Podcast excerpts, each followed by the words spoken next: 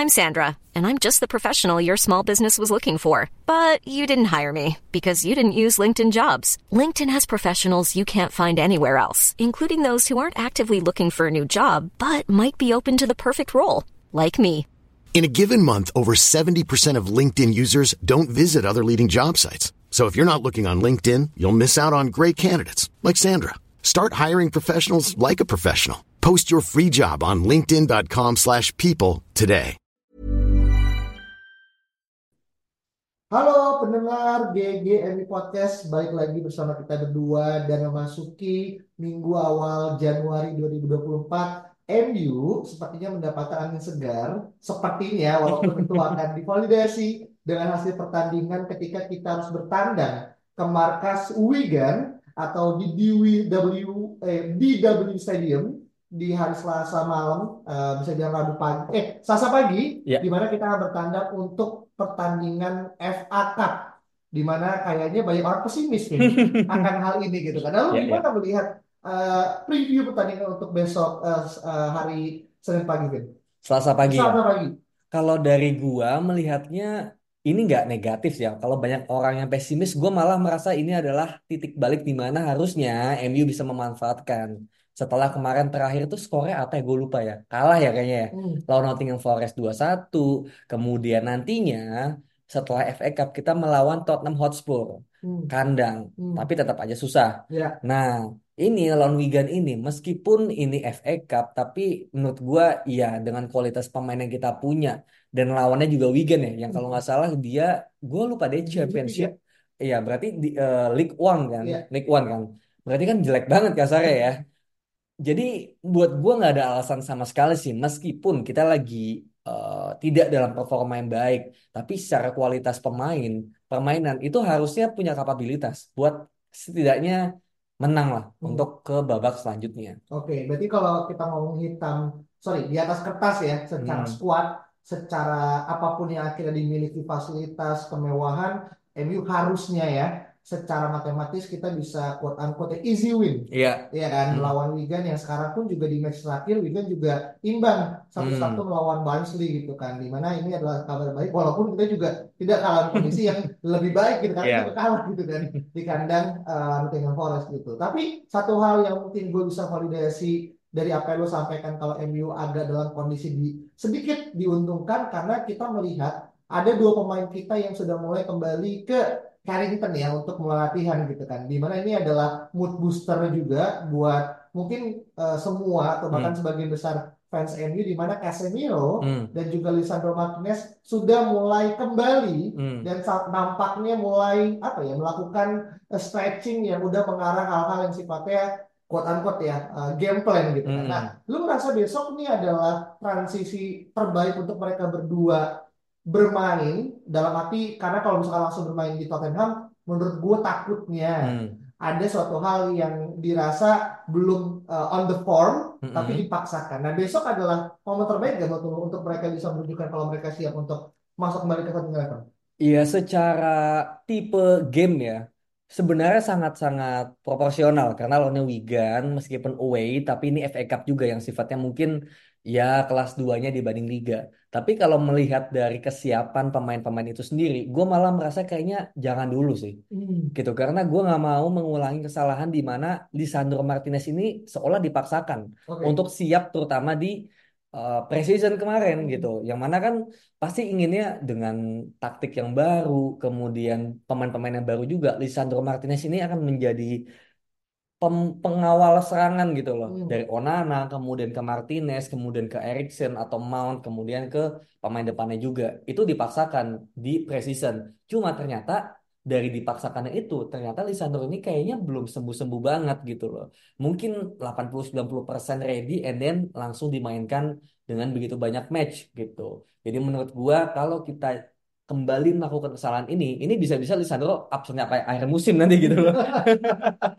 gitu loh. Dan gue gak mau itu terjadi. Bahkan Casemiro, dia kan baru balik kan Hmm. di eh gue lupa pertandingan bukan Carling ya apa namanya Eh Carabao. Carabao lawan Newcastle. Dia main jadi kapten ya Ya. kan. Setelah comeback beberapa match dia absen mungkin hampir sebulan. Hmm. dia main satu babak diganti karena apa? Cedera lagi. Dan itu Hmm. cedera hampir dua bulanan lebih. Aduh. Jadi main cuma satu babak, kemudian dia cedera lebih parah lagi. Hmm. Nah, ini kan tim dokter kita, tim fisioterapi kita kayaknya lagi bermasalah. Hmm. Jadi jangan sampai lah kita mem- memaksakan para pemain yang belum fit dari cedera panjang kemudian dimainkan cuma gara-gara momentum lawannya Wigan gitu. Jadi gue memilih ya udah kalau emang ready-nya lawan Spurs, ya udah just be it gitu loh. Hmm. Kalau misalnya ready-nya juga setelah lawan Spurs ya nggak apa-apa juga. Hmm. Yang penting jangan sampai ini efeknya sampai mereka harus absen lebih lama lagi. Oke, jadi lo gak pengen terlalu tergesa-gesa ya dalam mencoba untuk onboarding ulang ya. Iya. Karena kan udah cukup lama ya Lisandro main tuh kalau nggak salah di bulan Oktober, September ya. Munchen deh kalau nggak salah. Iya kan? Iya. Itu Septemberan berarti ya. Iya, Iya kan? September. Mm-mm. Ya kan, di mana udah mulai masuk ke tahun yang baru gitu kan.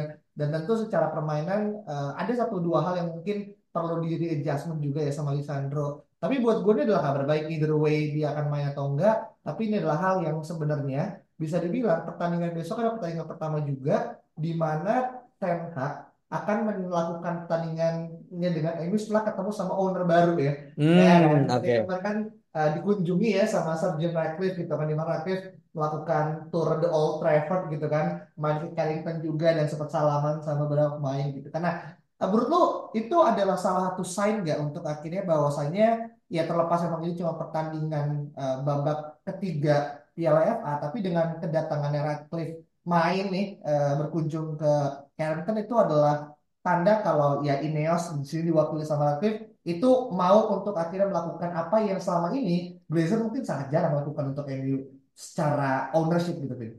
Ya harusnya dari aura ya dan juga atmosfer ruang ganti Old Trafford, Carrington harusnya berubah ya. Hmm. Yang tadinya mungkin adanya ketidakpedulian dari para pemilik, kemudian tiba-tiba ada pemilik yang minoritas, cuma punya seperempatnya doang, tapi dengan ramahnya dia juga menyalami gitu.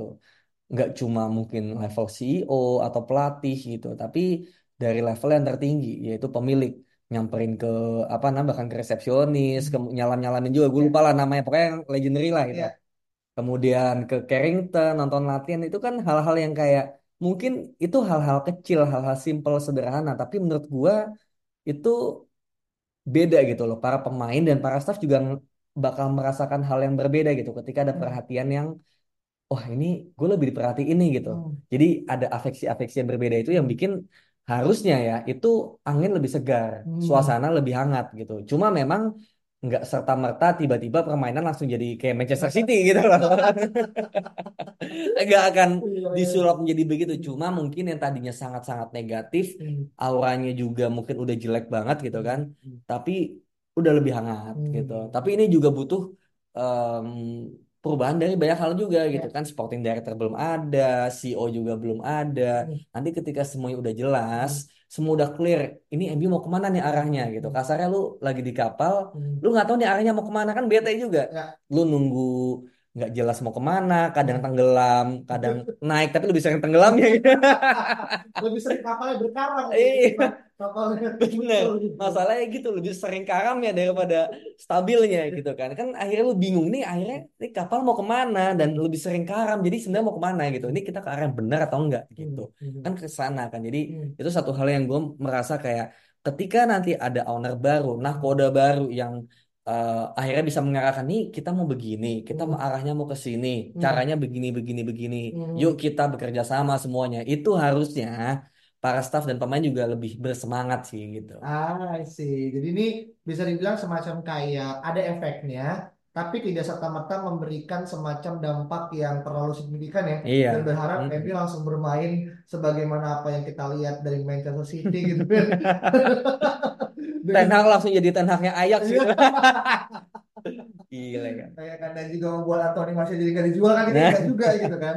Tapi ini menarik karena kita juga harus ingat gitu kalau musim lalu MU adalah runner up dari FA Cup gitu kan. Di mana ya kita kalah lah ya secara uh, bisa bilang ya secara terbuka gitu kan. Tapi bisa jadi ini adalah musim di mana kita mungkin akan iya mencoba untuk ya revamp lah, terutama mungkin mengamankan satu slot di mana kita ya berharap ya bisa masuk ke jenjang yang lebih tinggi. Karena kalau berharap di liga Inggris tentu sampai pekan ke-20 kita masih peringkat ke-8 gitu kan. Dan kalaupun ada satu hal yang bisa gua atau Saung mungkin kalau ada mencari suatu suaka untuk mendapatkan serta harapan ya itu adalah FA Cup gitu kan.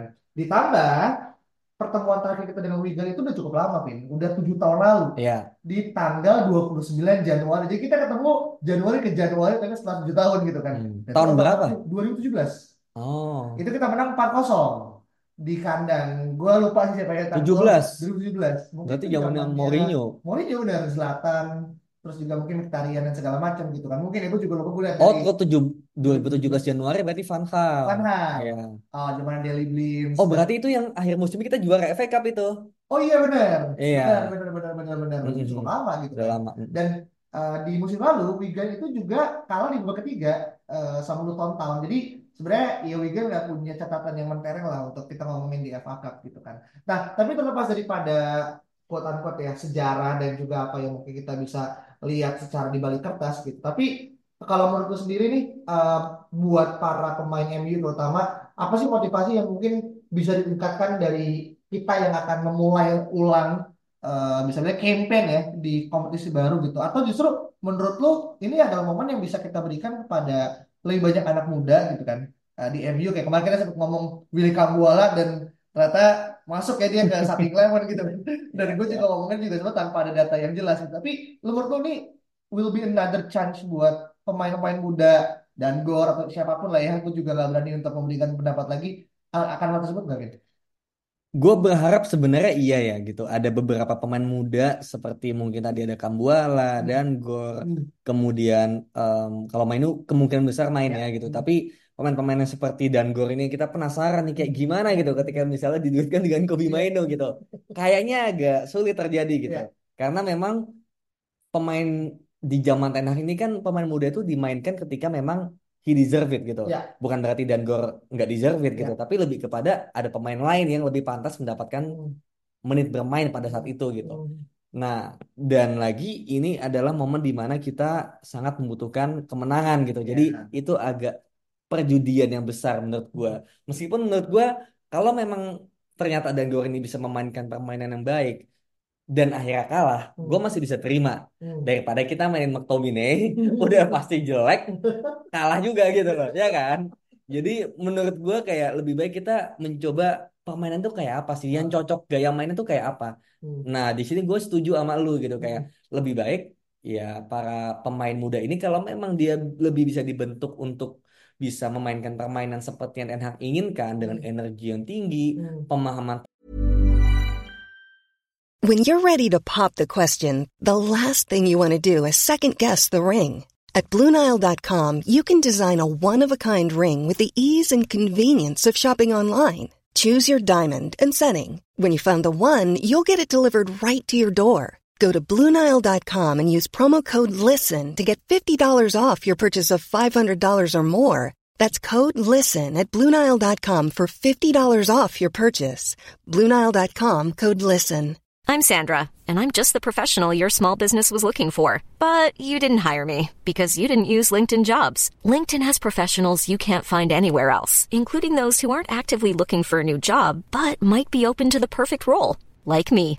In a given month, over 70% of LinkedIn users don't visit other leading job sites. So if you're not looking on LinkedIn, you'll miss out on great candidates like Sandra. Start hiring professionals like a professional. Post your free job on linkedin.com/people slash people today.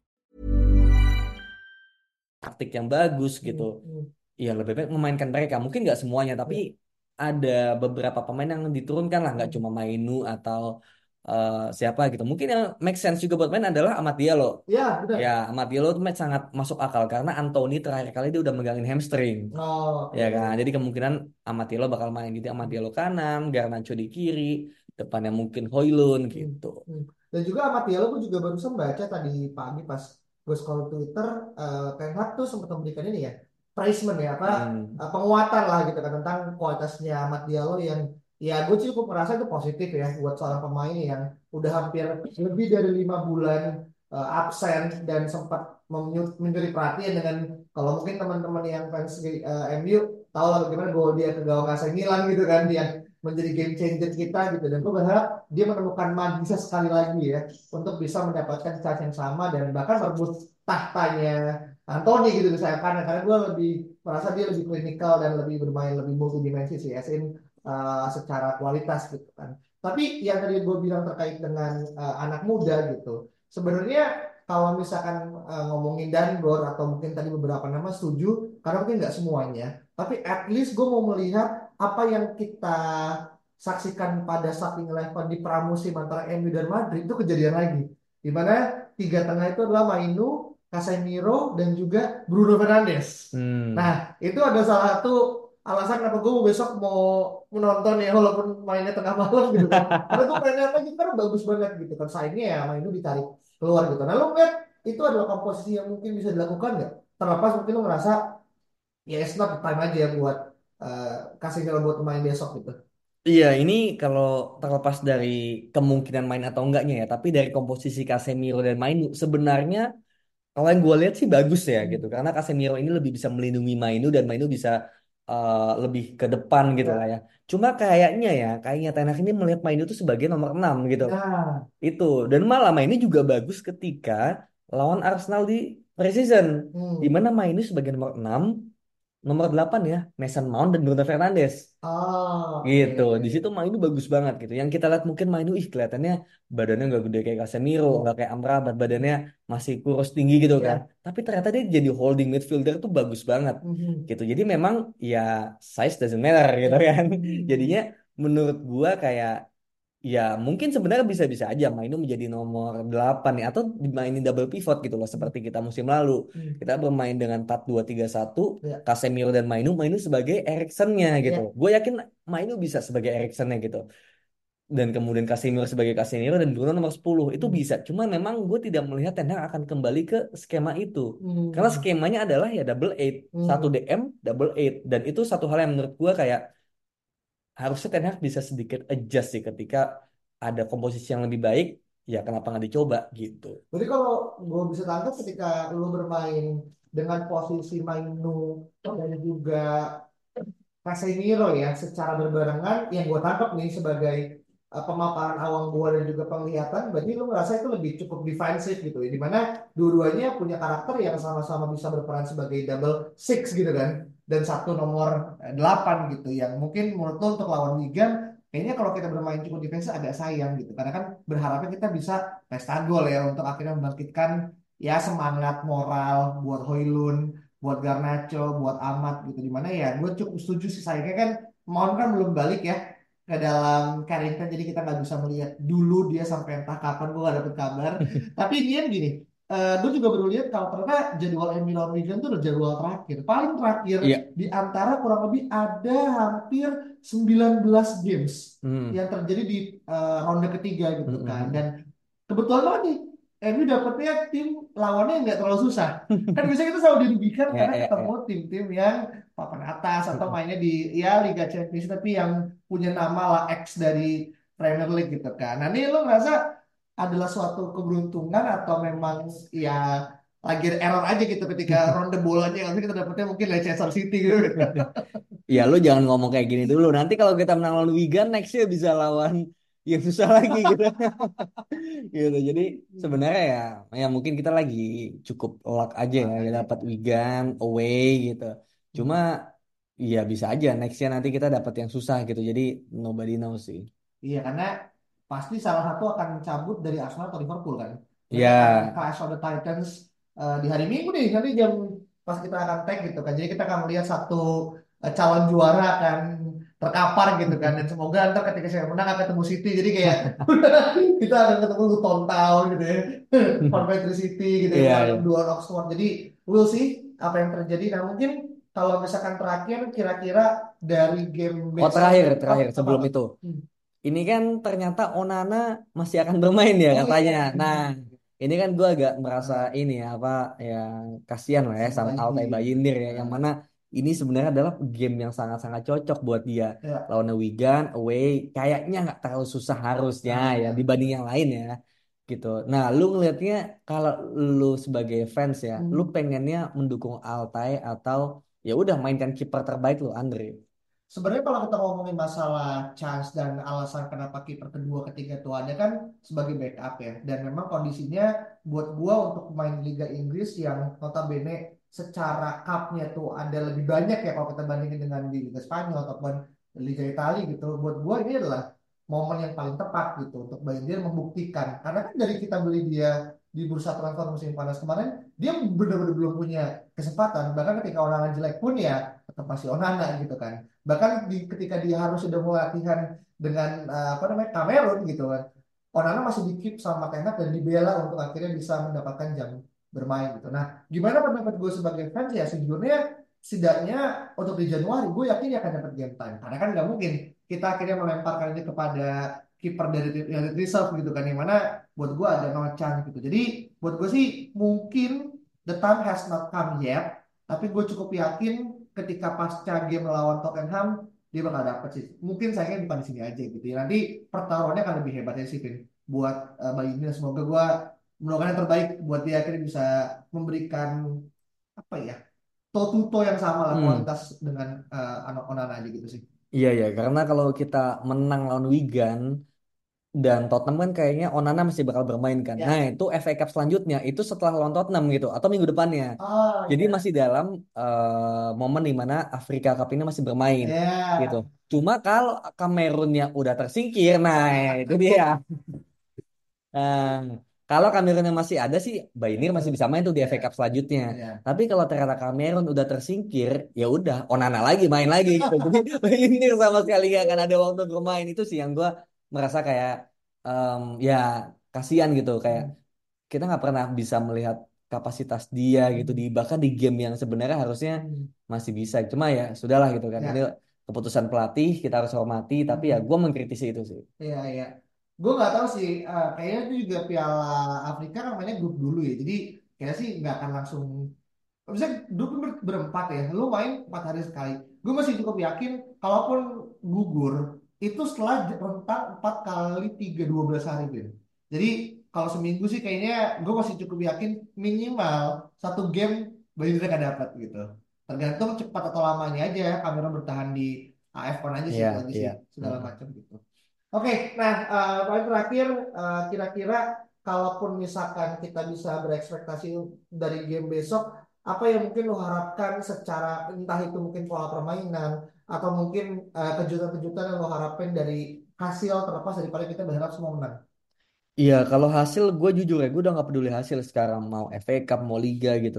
Ya hasil oke okay, penting, tapi gue mau lihat apa ya uh, keberlanjutan gitu dari permainan seperti apa yang ingin dimainkan dan apakah kita bisa konsisten memainkan pertanding pertandingan dengan cara seperti itu. Itu aja yang mau gue lihat dulu gitu karena setiap pertandingan ini kayak seolah berbeda pendekatannya. Hmm. Nah itu yang gue nggak mau gitu kayak kenapa kita jadi tim yang reaktif lagi. Hmm. Kalau lawannya kayak Aston Villa yang defensive line-nya tinggi kita bisa giliran yang defensifnya low kayak West Ham, kayak Nottingham, kita kelabakan lagi gitu loh. Hmm. Kelabakan karena apa? Karena kita nggak bisa membongkar mereka, tapi sekali kena counter attack kita kalah. Hmm. Itu yang selalu terjadi gitu. Jadi sebenarnya cara terbaik lawan MU ya udah lo low block, kemudian counter udah karena rest defense jelek gitu loh. Hmm. Jadi gue cuma berharap MU bisa bermain setidaknya lah kembali dengan standar musim lalu itu minimalnya bermain compact nggak melakukan kesalahan-kesalahan dan ketika kena counter ya MU bisa solid gitu hmm. gitu aja itu itu itu bahkan harapan minimal gue adalah seperti musim lalu itu kan serendah itu berarti harapannya kan ya. gitu sih jadi harapan dari musim lalu adalah kita meningkat tapi sekarang malah menurun yang kayak at least sekarang gue mau melihat MU itu main solid dulu gitu dan tidak melakukan kesalahan-kesalahan bodoh hmm. itu aja sih sebenarnya sih, solid. Solid. Oke, teman-teman kira-kira itu ya. Bagaimana kira gue sama Alvin punya pendapat terkait dengan preview game melawan uh, Wigan di mana kita akan bertandang ke DW Stadium yang mana cukup, cukup lama. Kalau Terakhir, kita, apa? By the way, hmm? pelatihnya Wigan sekarang, hmm? Sean Maloney, hmm? itu adalah pemain yang golin kalau nggak salah ya, tapi nanti kita bisa recheck lagi pemain yang golin ke gawang kita hmm. di tahun 2012. Itu Reading ya? Oh, Wigan. Dia, oh, tuh, dia tuh pemain Wigan. Dan lu tahu Wah. impactnya itu apa? Apa? Wigan menang lawan kita Aha. 1-0 Aha. di di W Stadium Aha. dan kita kalah selisih gol sama City. Ah. Itu beberapa match sebelum finale game week 38 itu kita kalah lawan Wigan 1-0. I see. Dan itu dia yang golin si Malone ini dan ini I dia jadi pelatihnya. Itu fun Oh, fact aja. Gue inget karena gue segitu ngenanya gue tahu pertandingan-pertandingan Ah. 10 pertandingan di final sebelum finalnya gue Ah. tuh inget lah 4-4 lawan Oh Everton, ya. kalah 1-0 lawan City, Kompany golin sundul. Oh iya iya. Kemudian ya ini juga Ah. Wigan yang gue merasa ini Wigan harus menang gitu. Ternyata kalah 1-0 yang golin si Maloney ini. Ini kalau gue nggak salah ya, tapi yang gue inget kalah lawan Wigan gitu. See. Nanti bisa kita recek lagi Iya iya. bener apa enggak. Jadi memori buruk aja sih di kepala Nah, gue. Oke, karena juga Wigan juga yang gue inget tuh pas dulu masih ada kiper Ali Al-Habsyi ya. Itu lebih lawas aja mungkin era-era 2007 2008 Iya, iya, gitu kan. Di mana Rudy masih dan dia pakai topi jadi gue inget banget karena sangat eh, apa namanya mencolok segala macam gitu kan. Tapi good nanti kita akan lihat apakah benar apa yang tadi Alvin bilang kita cek fakta. Tapi sekali lagi kalau teman-teman punya pendapat berbeda tentang apa yang kita berdua sempat diskusikan tentang pertandingan besok silakan reply aja Twitter kita di @ggm podcast. Dan kita ketemu lagi di episode berikutnya bye bye Planning for your next trip? Elevate your travel style with Quince. Quince has all the jet setting essentials you'll want for your next getaway, like European linen, premium luggage options, buttery soft Italian leather bags, and so much more. And is all priced at 50 to 80% less than similar brands. Plus, Quince only works with factories that use safe and ethical manufacturing practices. Pack your bags with high-quality essentials you'll be wearing for vacations to come with Quince. Go to quince.com slash pack for free shipping and 365-day returns.